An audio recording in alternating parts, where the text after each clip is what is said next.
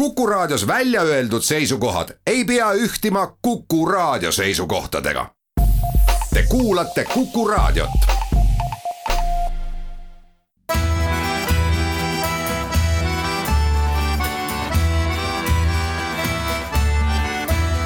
Kirillitsas Eesti.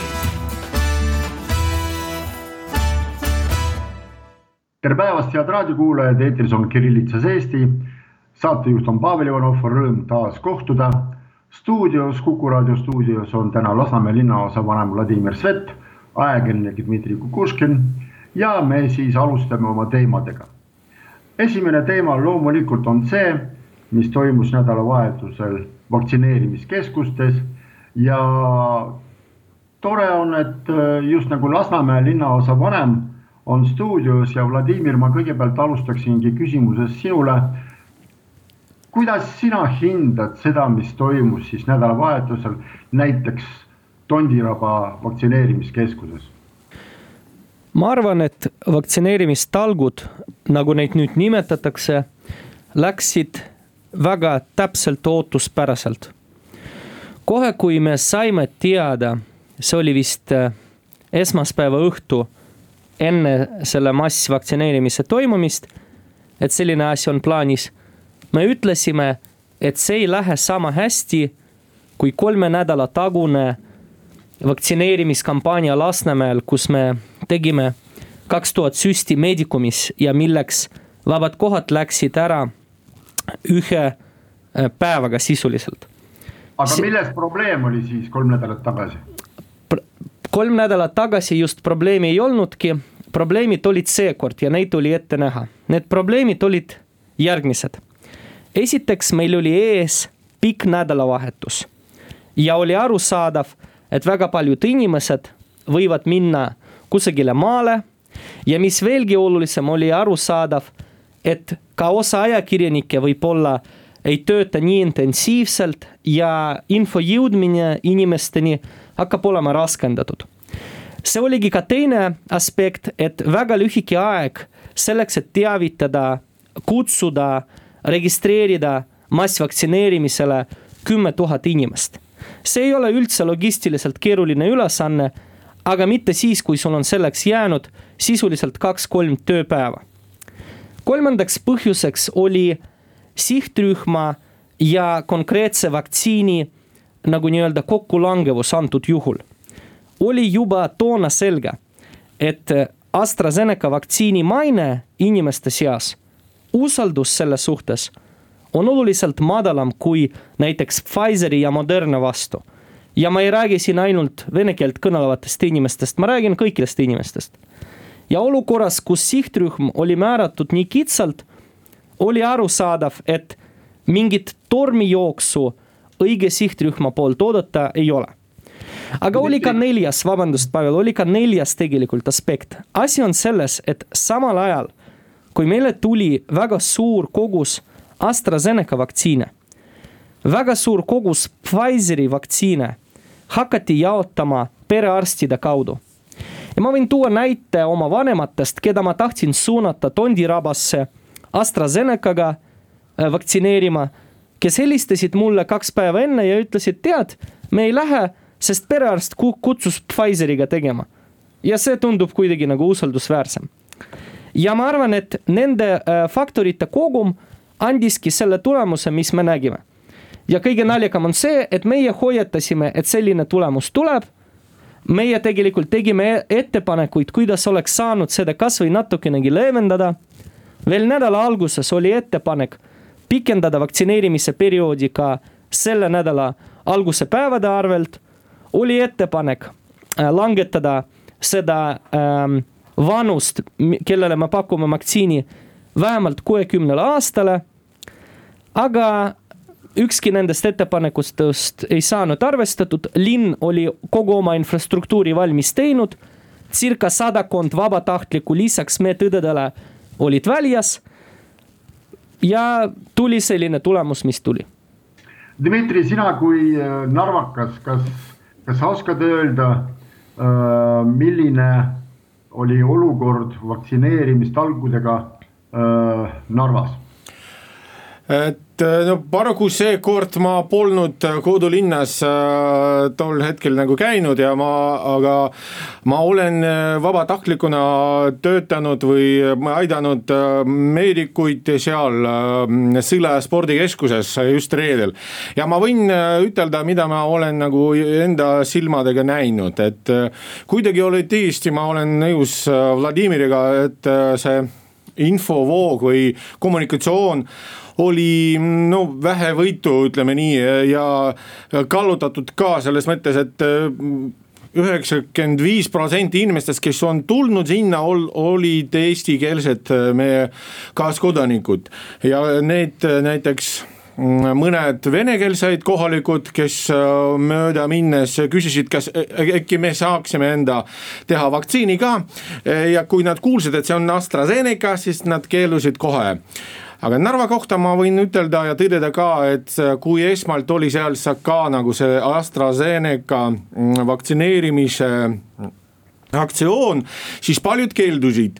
Ja kui tekkis ja toodi Narva Modernat, siis mm, see, seda võidi vastu palju-palju äh, soojemalt. Ja näiteks minu ema kui talle helistas äh, perearst ja ütles, et vot nüüd on Moderna, e, e, ega ta ei soovi nagu võtta vaktsiini, ta mõtles natukene ja läks ja tegi kuulge, aga tuleb siis välja niimoodi, et kõik need üleskutsed, et vaktsineerime sellega, mis meil on ja ärgem oodakem mingisugust äh, taevamannat. Äh, tähtis on vaktsineerida, et ennast ja oma lähedasi kaitsta, et see ei tööta töötab, tegelikult töötab, kui sa normaalselt kommunikeerid, kui sa võtad selleks normaalse aja ja annad seda võimaluse normaalsele sihtrühmale. me tõime näite Lasnamäe puhul, et eh, kolm nädalat enne vaktsineerimistalguid meil oli suunatud just samasse sihtrühma kaks tuhat Pfizeri vaktsiini. kogu selle aja jooksul samas sihtrühmas on toimunud peamiselt Pfizeriga sama sihtrühma vaktsineerimine perearstide kaudu. tegelikult ei ole inimestes midagi viga. inimesed loevad uudised, inimesed, minu väide, väga suur osa neist soovib ennast vaktsineerida. vaatamata sellele, et on ka jah, inimesi, kes võib-olla ootavad Sputnikut. tegelikult minu isiklik veendumus on see, et kui neile pakutakse normaalse selgitusega normaalset vaktsiini, siis nad võtavad ka seda, sest inimesed enamjaolt ei ole lollid. aga kui sa teed asju valede eeldustega ja ootad õiget tulemust, siis probleem on selles, kes seda teeb.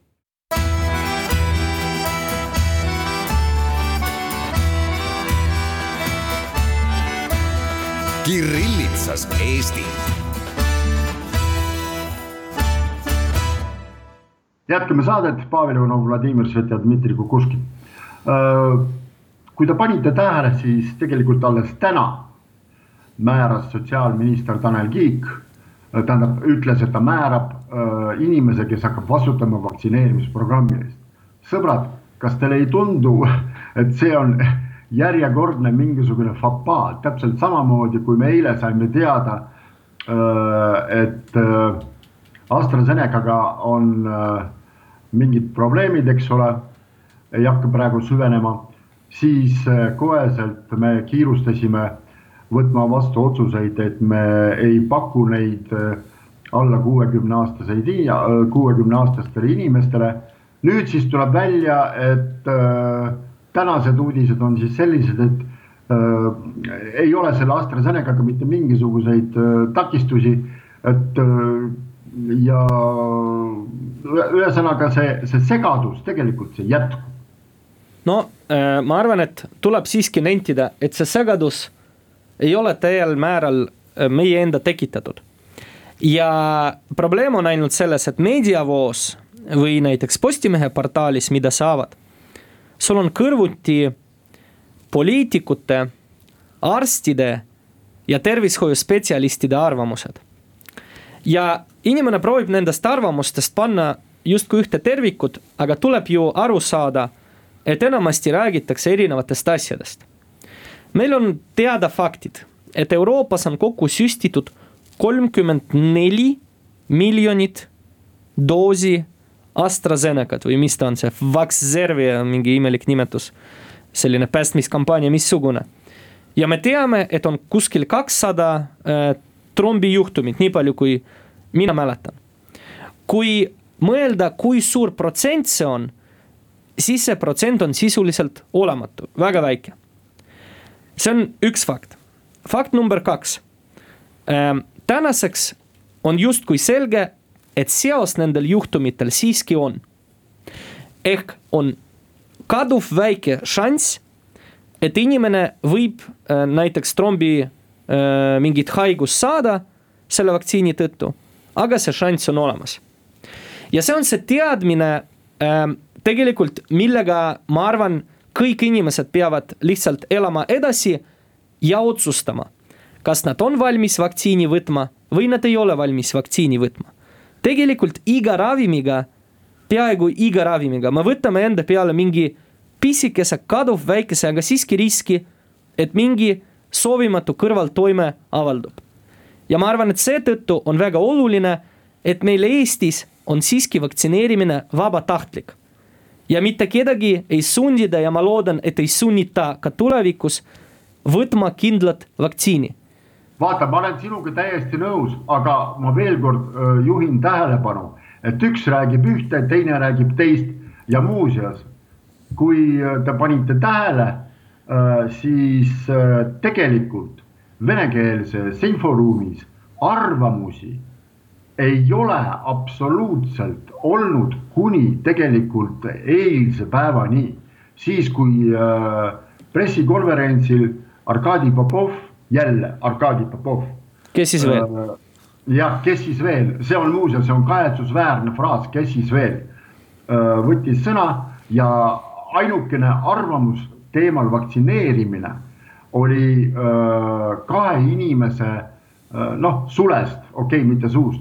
esimene, kõige mõjuvam tegelikult ka kõikidele, nii eestikeelsele, nii ka venekeelsele auditooriumile oli Viktor Vesterini juhtum kes elas üle väga range koroonaviiruse. Vitali, Vitali Vestrin. Vitali, vabandust. Mm -hmm. ja teine oli alles täna Igor Kalakauskase pedagoogi arvamus ka vaktsineerimisest. sõbrad, ei ole mitte ühtegi inimest, kes oleks midagi öelnud enne ja tegelikult äh, inimene vajab mingisugust informatiivset abi. selle jaoks, Volodja et öö, teostada seda, millest sa rääkisid. vaata, Paša, mina inimesena, kes oli kahe viimase suure vaktsineerimiskampaania korraldamise juures, võin sulle öelda, et pressiteateid, postitusi, artikleid kirjutati nii, et ei jaguks ilmselt meil nagu Mart Laari tsiteerides internetis ruumi või Facebookis ruumi selleks, et seda kõike nagu üles saada tegelikult kogu see info oli olemas. see, kes tahtis, see võis seda leida küsimus on selles, ei, aga küsimus on selles, et me ei pea lootma sellele, et inimene seda otsib. Me peame ise viima seda õigete sihtrühmadeni. ja kui meile öeldakse, et sõbrad, teil on nüüd kaks-kolm päeva selleks, et kuuskümmend viis pluss vanuses inimesteni viia vaktsineerimise kohta infot. nagu vabandust, aga see ei ole võimalik lihtsalt me võime küll, küll öelda, et palun lapsed, lapselapsed, pöörduge oma emade, vanaisade nagu poole, aga noh, see ei ole realistlik. Dmitri, mis sa arvad? No mul on äh, nagu mitu, mitu arvamust, ma ütleksin nii, et ühelt poolt ma ütleksin, et kui äh, keegi on äh, ettearvamusi või probleeme sellega, äh, selle, nende vaktsiinidega, usalduvusega, siis võiks teha nagu Jüri Ratas, konsulteerida oma perearstiga ja siis perearst, kes teab teie kõiki sümptomeid ja haiguseid ja analüüside tulemused, siis perearst võib kindlalt ütelda, kas teile on soovitatav AstraZenecat näiteks teha või mitte soovitatav. Jüri Ratase puhul me nägime, et see tõesti oli nii, et perearst ei soovitanud, eks ole. aga see kaduv väike protsent äh, kõrvalmõjudest on teid tõesti nii väike, et äh, enamustele mm, inimestele see ei mõjuks kuidagi. ma ja. arvan, et Jüri Ratase näide tegelikult äh, võib siiski äh, ka venekeelsete inimeste seas järjekordselt võib-olla utreerin olukorda, aga tõugata eemale sellest. no võib küll. ei no kuulge, vabandust, aga äh, vot vaata, Pavel, sa nagu kurtsid, et vene keeles vähe avaldatakse arvamust. võib-olla antud juhul see on isegi hea, sest me näeme, kuidas kõik avaldavad arvamust ja lõppkokkuvõttes lugejal või vaatajal on täielik segadus. Jüri Ratas loobus vaktsiinist, sai väga palju kiruda. järgmine päev tuli uudis, et meie enda ametid tegelikult ei soovita vaktsiini alla kuuekümne aastastele. mis asja? ja täna meile öeldakse, et tegelikult ei ole probleemi. no just ja nüüd Jüri Ratas loobus vaktsiinist, sai sõimata. Kadri Simson tegi vaktsiini ära, sai sõimata. mis asi, ma nagu, ma ei saa aru, et, et nagu, kas me nüüd nagu, mis on siis õige ja mis on siis vale. Ja ma arvan, et tõsi on tegelikult äh, selles, et lõppkokkuvõttes iga inimene peab otsustama ise igal inimesel on olemas oma perearst ja inimese terviseandmed ja perearsti nõuanded on delikaatne info. ja iga inimene ise otsustab, kas ta seda teeb või ta seda ei tee ja ta ei pea selgitama, miks ta teeb või miks ta ei tee. ja nagu veel kord, meie riigis on vaktsineerimine nagu vabatahtlik ja mina arvan küll, et see oleks väga imelik, kui Eesti näiteks ähm, ma ei mäleta, kas see oli Ravimiamet või, või immunoprofülaktika komisjon ütleb, et alla kuuekümne aastastele vaktsiin ei ole soovitatav. ja riigi teine või kolmas või neljas inimene ütleb, väga hea, lähen vaktsineerin ennast olukorras, kus tema perearst nagu ütleb vastupidist. ma arvan, lõppkokkuvõttes, mida on vaja praegu teha? Me peame emotsioonid maha saama. me teame, et lähiajal Eestisse suuri vaktsiinipartiisid ei tule. see on aeg maha istuda, välja hingata, juua klaas külma vett ja proovida luua selgust, mis sai tehtud valesti, kuidas me liigume edasi, keda, mis vaktsiiniga me vaktsineerime.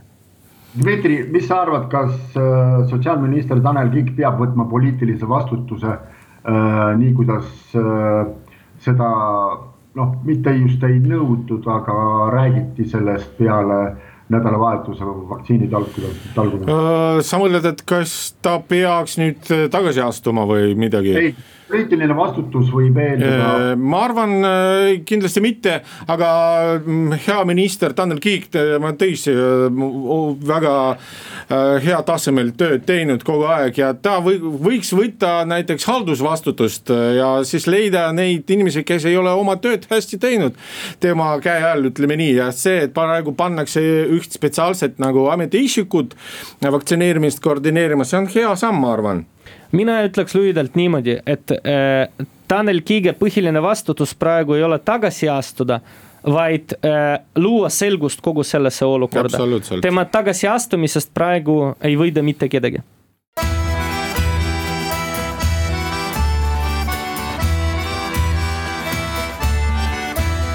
Kirillitsas Eesti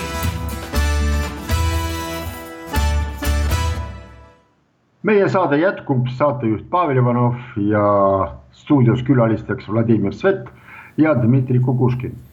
Äh, tegelikult äh, see situatsioon, mis äh, on seotud vaktsineerimisega, ta sünnitas veel ühe pseudoprobleemi, mis on, ma ütleksin, absurdide rubriigist. nimelt hakkas pihta kampaania, kui niimoodi võib öelda, kes räägib vene keeles, venekeelse auditooriumiga. et see oli niivõrd öö, ootamatu, et öö, ausalt öeldes ma, ma olin natukene jahmunud.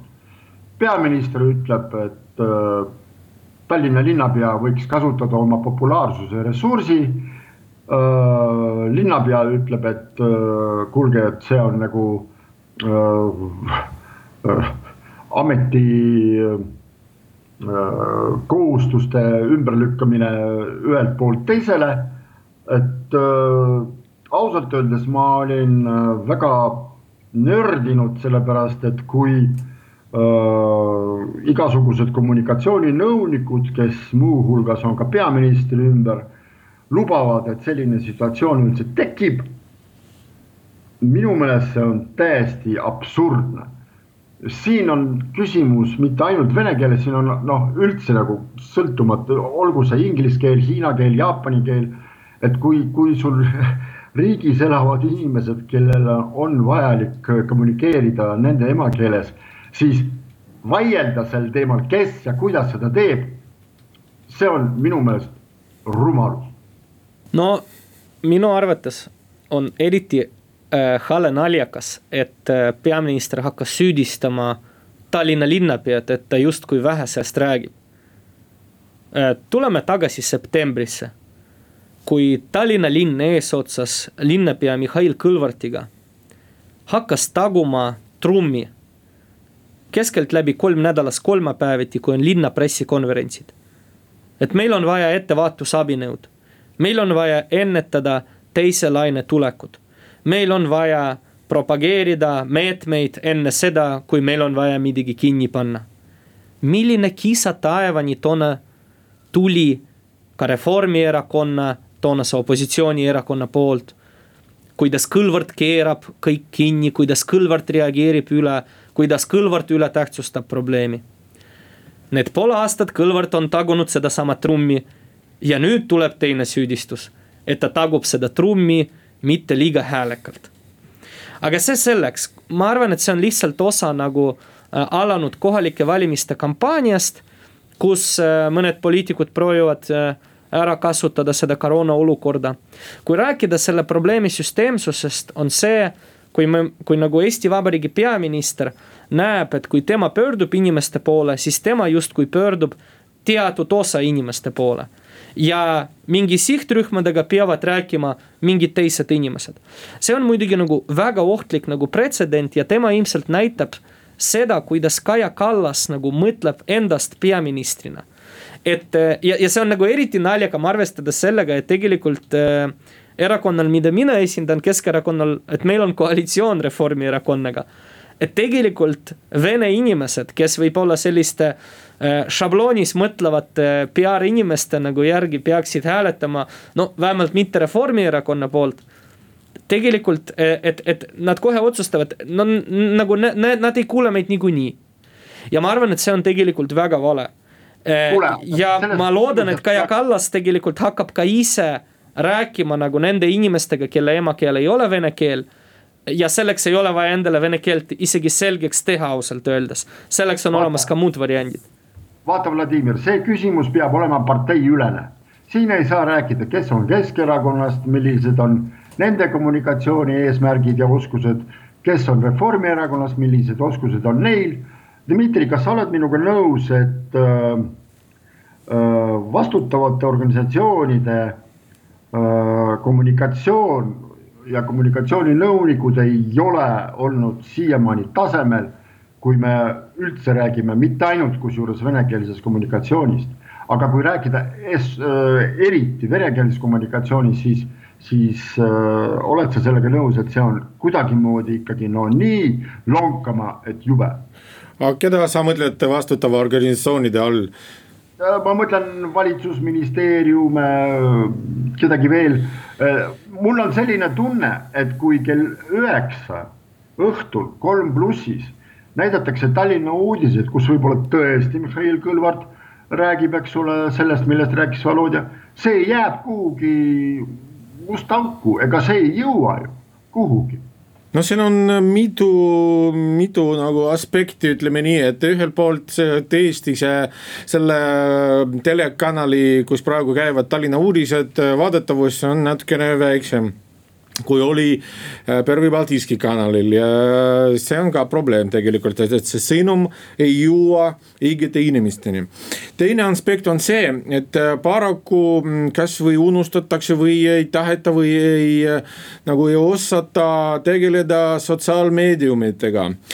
ma mõtlen just sotsiaalvõrgustikke, et selles mõttes praegu on väga suur mõju Facebooki gruppide poolt ja seal levitatav info on täitsa vastupidine sellele, mida levivad nii-öelda nagu põhivoolu ametlikud kanalid.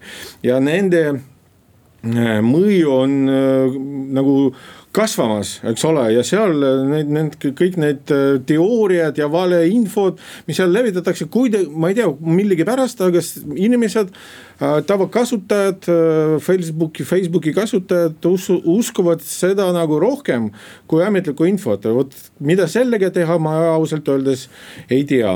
ja aga siin. Viskan... selle jaoks on olemaski need nõunikud, kes saavad selle eest palka ja kes veel kord ütlen täiesti lubamatult on tekitanud olukorda, kus käib vaidlus selle üle, kes ja kuidas peab suhtlema konkreetse keelelise sihtauditooriumiga. no Pavel, sinu kriitika võiks olla ja on mõnel määral õigustatud, aga me ei saa unustada, et me oleme praegu nagu rinnal äh,, rindel, vabandust rindel, et me sõjaolukorras tegelikult ja kõik need otsused ja kõik tegevused, mis tehakse, on, tehakse no nagu siin ja praegu, et ennem mm, polnud võimalust seda mm, kogemust kuidagi saata, eks ole. Ja ma siin väga hea näide sellest on ka, ma viskan natukene haipi meie äh, dialoogi äh, saatesse, et isegi Venemaa president Vladimir Putin ei ütelnud, mis vaktsiini ta võttis, mida ta, talle pandi ja seda eriti isegi ei, ei näidatud televisioonis, aga no me teame, et kõik tema elu ja poliitaspektid näidatakse kogu aeg, kus ta on Siberis või ta lendab sterhidega või midagi. miks ei saanud kasutada seda heaks PR-trikiks, aga vist vaata, ei seal isegi seda ei teinud. Ja ma arvan, et kui meil hakatakse avalikult keegi noh, linna või riigi isad hakata mm, süstima, ma ei tea, kas see mõjub või mitte. no rääkides valitsuse venekeelsest kommunikatsioonist, ma arvan, et äh, on õige pöörata tähelepanu sellele, et Facebooki ja üldse sotsiaalmeedia mõju äh, inimestele ja avalikule arvamusele on kasvamas väga jõuliselt. ja see ei ole enam see koht, kuhu sa lihtsalt kopeerid oma pressiteateid ja tegelikult on näha, et meie peaminister Kaja Kallas sellest väga hästi saab aru. sest me näeme, et tihti riigipea, vabandust, riigipea, valitsuse pea suhtleb rahvaga just Facebooki teel. nüüd me teame samal ajal, et tegelikult vene keelt kõnelevate inimeste jaoks on olemas kaks põhilist infokanalit. ja need infokanalid ei ole isegi PBK, ei ole TV Pluss ja isegi ETV Pluss ei ole. Need on Vene Delfi ja Vene Postimees ja selleks, et peaministrina midagi sinna kirjutada, piisab sellest, et sa saadad pressiteate. ja ma olen kindel, et äh, nagu mõlemas portaalis see kohe lendab esikohale. see populaarsuse jutt ei ole laest võetud, selle kohta on olemas isegi uuring, mida riik on ise teinud, et kust vene keelt kõnelevad inimesed endale infot nagu võtavad. ja ma arvan, et siin on kaks asja, et ühelt poolt on just peaministril endal tema poliitilisel meeskonnal, mitte ametnike meeskonnal, poliitilisel meeskonnal on endale selgeks tegemata, et nüüd, kui sa oled valitsuse juht, sa pead kõnelema korraga kogu rahvaga. ka nendega, kes ei kasuta Facebooki, ka nendega, kelle emakeel ei ole eesti keel. ja teine probleem, mida me siin näeme, et kui me tulevikus tahame tegelikult inimestega suhelda kui riik, kui kohalik omavalitsus kui ükskõik mis asutus, me peame aru saama, et ilma sotsiaalvõrgustiketa seda lihtsalt ei ole võimalik teha. ja see on nüüd täna osa meie elust, nagu vanasti oli paberajaleht, nagu kunagi oli televiisor ja on osaliselt ka siiamaani nagu raadio.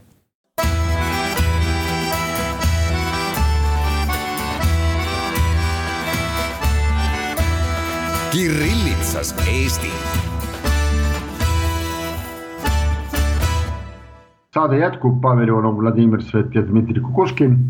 mul on selline siiski küsimus, mis mind ikkagi mul hinge peal kripeldab äh, jätkuvalt, et äh, tegelikult äh, selles situatsioonis, mis me oleme, kui me räägime kommunikatsioonist, siis kes peaks tegelikult olema see öö, arvamusliider või siis eestvedaja või siis eestkostja, kes tõesti peaks nagu venekeelse äh, elanikkonnaga rääkima. kuulge, lõpet-.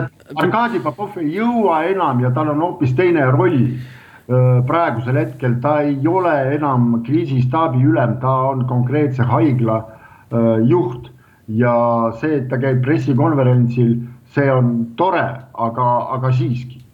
kuulge, lõpetame seda hala, vabandust. Vene, see ei ole hala, see on. Vene inimene ei ole mingi, ei ole mingi nagu eriline liik. Vene inimene, kes siin elas Eesti, e-, e-, elab Eestis, on tavaline inimene. ja nagu tavalise inimesega, temaga peab suhtlema tema riigi president, tema riigi peaminister, tema kodulinna linnapea tema linnaosa vanem, kui ta elab parasjagu Tallinnas, kui me räägime Eestist. ja nagu meil ei ole vaja mingit spetsiaalset, mingit maskotti, kelle kohta me ütleme, et vot sina oled nüüd nagu venelaste jaoks nagu põhiline kõneisik. meil on tegelikult olemas piisavalt palju arste, kellest osa ka võtab sõna ja mitte ainult Arkadi Popov. kuigi ka Popov väga aktiivselt seda sõna võtab ma arvan, et äh, see nagu praegu ei ole küsimus selles, et kuskilt võiks leida mõnda uut veel nagu arvamusliidrit.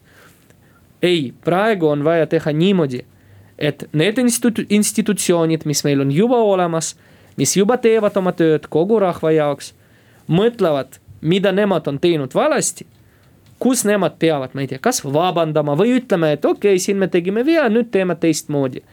ja lihtsalt tegema oma tööd sest me teame, et tegelikult Eesti riik oskab oma teatud ametitega töötada vene keelt kõnelevate inimestega. seda oskab teha politsei, seda oskab teha päästeamet, seda mina julgen väita, oskab teha Lasnamäe linnaosavalitsus.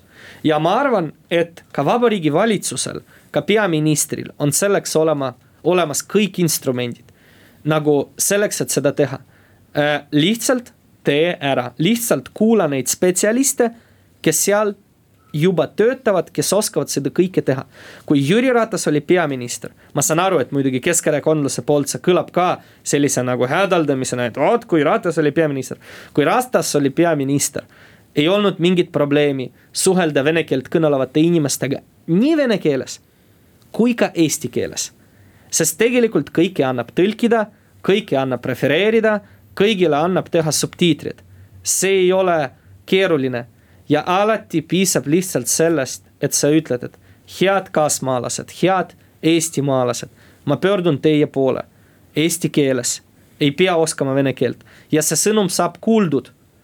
milleks sa iseennast eraldad sellest auditooriumist, noh, see on kas viga või öö, ütleme nii mingi teise kavatsusega otsus, ma ei tea, miks me üldse arutame nagu selles, see on ju ilmselge.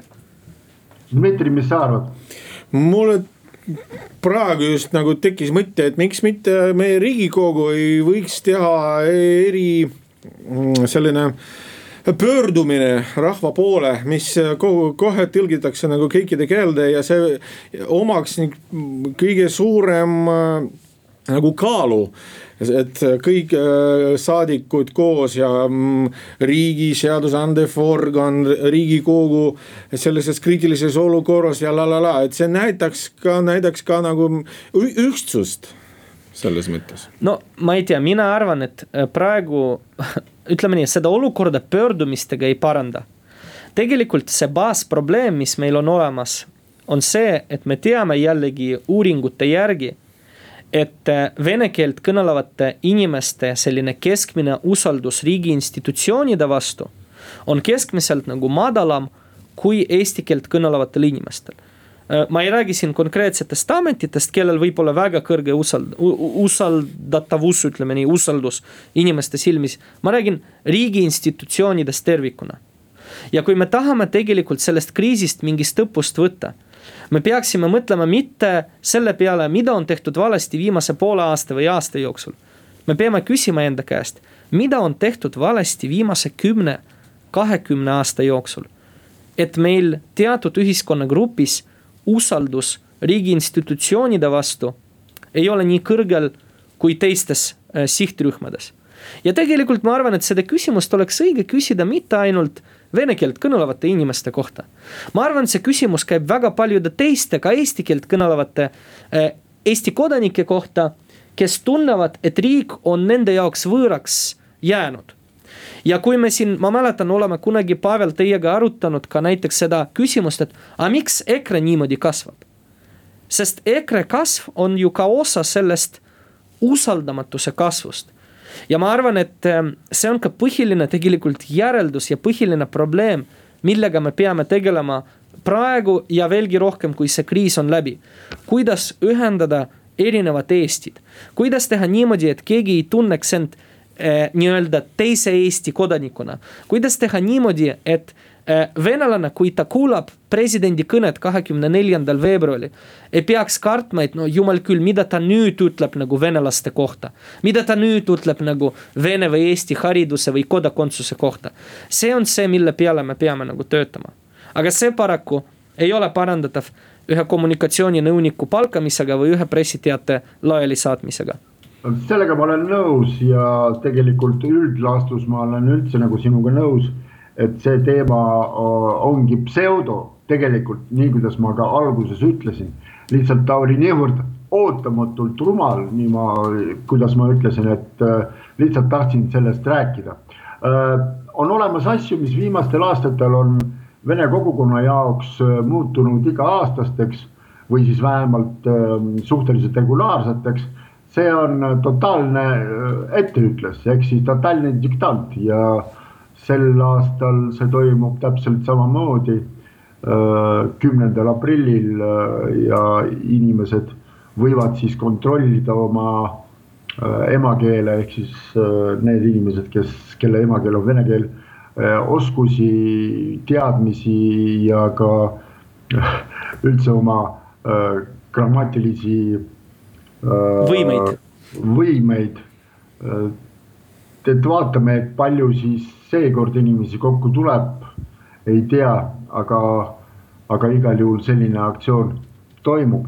aga ma siiralt tänan teid tänase saate eest ja tuletan meelde, et Kuku raadio stuudios olid Dmitri Kukuškin, Vladimir Svet, saatejuht oli Pavel Ivanov, aitäh kuulamast ja kohtume nädala aja pärast taas